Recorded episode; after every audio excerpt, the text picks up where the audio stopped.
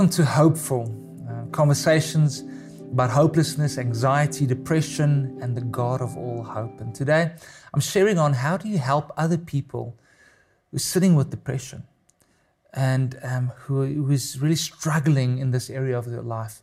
How can you be a good friend, a good spouse, a good family member to help these people?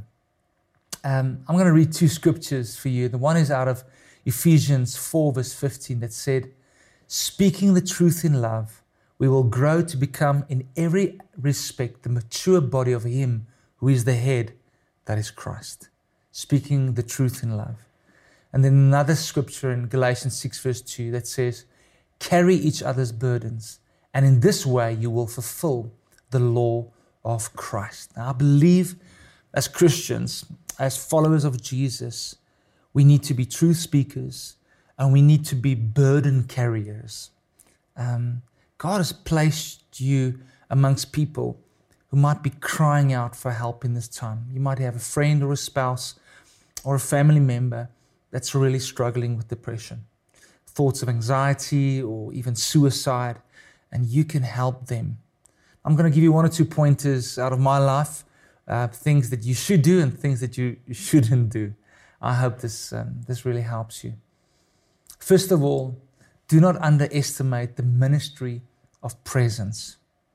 Sometimes you just need to be with people, just sit there. Just be with them. Don't give the cheap answers, don't give the quick answers. Cry with them, mourn with them, uh, experience the loss that they might be going through with them. Think of the friends of Job. The first week, that's what they did. They just kept on doing that, but they just sat with Job. Sitting with people is very precious, the ministry of presence. Secondly, um, ask them, how can you help them? How can you provide help or, or alleviate their need? And then listen to them. Ask good questions like, what do you need from me? Um, in what area can I help you? Then, thirdly, help them to give support. You know, for some people, it's very scary to go to the doctor or the psychiatrist or the psychologist. Say, hey, I'll go with you. Um, I'll be there with you all the way because it's unfamiliar, it's scary, it might be shameful. Go with them. Um, invite them to whatever it is that they like doing, whether it be to go for a movie or to go and just be with some friends or whatever it is, but just get them out of isolation. Invite them to church. You know what? They might say 10 times no, but maybe once they will say yes. That might be the breakthrough time for them. Help get them out of isolation. Remember, depressed people, anxious people feel like a burden already. They'd rather be in isolation. Um, then be authentic and don't, don't try and be um, overly happy or try to lighten their mood because that actually makes people feel even more guilty about their own negativity, their own depression. Um, it might be good to crack a joke here and there, but don't overdo it. And if they don't laugh, don't scold them for that. People with depression really sit with, with a deep sadness sometimes and deep negativity. Give them time and give them space. Help them with their, with their everyday tasks. Instead of saying, Let me know if there's anything I can do for you, consider saying, What do you most need help with today? Be specific. Help them get through the day. Yes, sometimes we need to be the back rubbers and just have support there, the ministry of presence. But I also believe, as the book of Ephesians says, we need to be wise, listen to the Spirit to speak the truth in love. Sometimes we need to speak the truth so that a lie can be exposed, so that a sinful pattern that is actually maybe even causing some of this depression and this anxiety, that it can come to the light and that God can really set that person free. Um, encourage them to to to exercise or to do some hobbies and maybe start something new with them on your journey.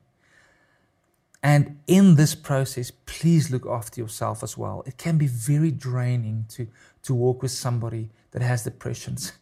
I, I, remember my, my poor mom and dad, um, I know it was sometimes so draining for them and they just needed their space. They sometimes also just needed to get out and do their own thing. That's where healthy boundaries are so important. And don't take it personally where they are batting you the whole time. Please look after yourself as well and don't take things too personal. What you shouldn't do, first thing is please never tell somebody to just snap out of it. That's the worst advice you can give because it's not that easy. It is not that easy. It is very complicated for people. Don't try and fix them immediately. Um, don't give them that one liner that you think will just seal the deal. As I said, don't take things too personal when they ignore your phone calls or where they, where they rather stay in isolation or where they actually sometimes would lash out in frustration or anger against you. Try and not take it personally. They are hurting, remember? And hurting people hurt other people. Don't make their problem smaller than it is, because that actually is heaping more doubt and more shame on them and more guilt on them. Um, don't put that that other person's need and say, "Hey, do you know how that person is suffering compared to you?"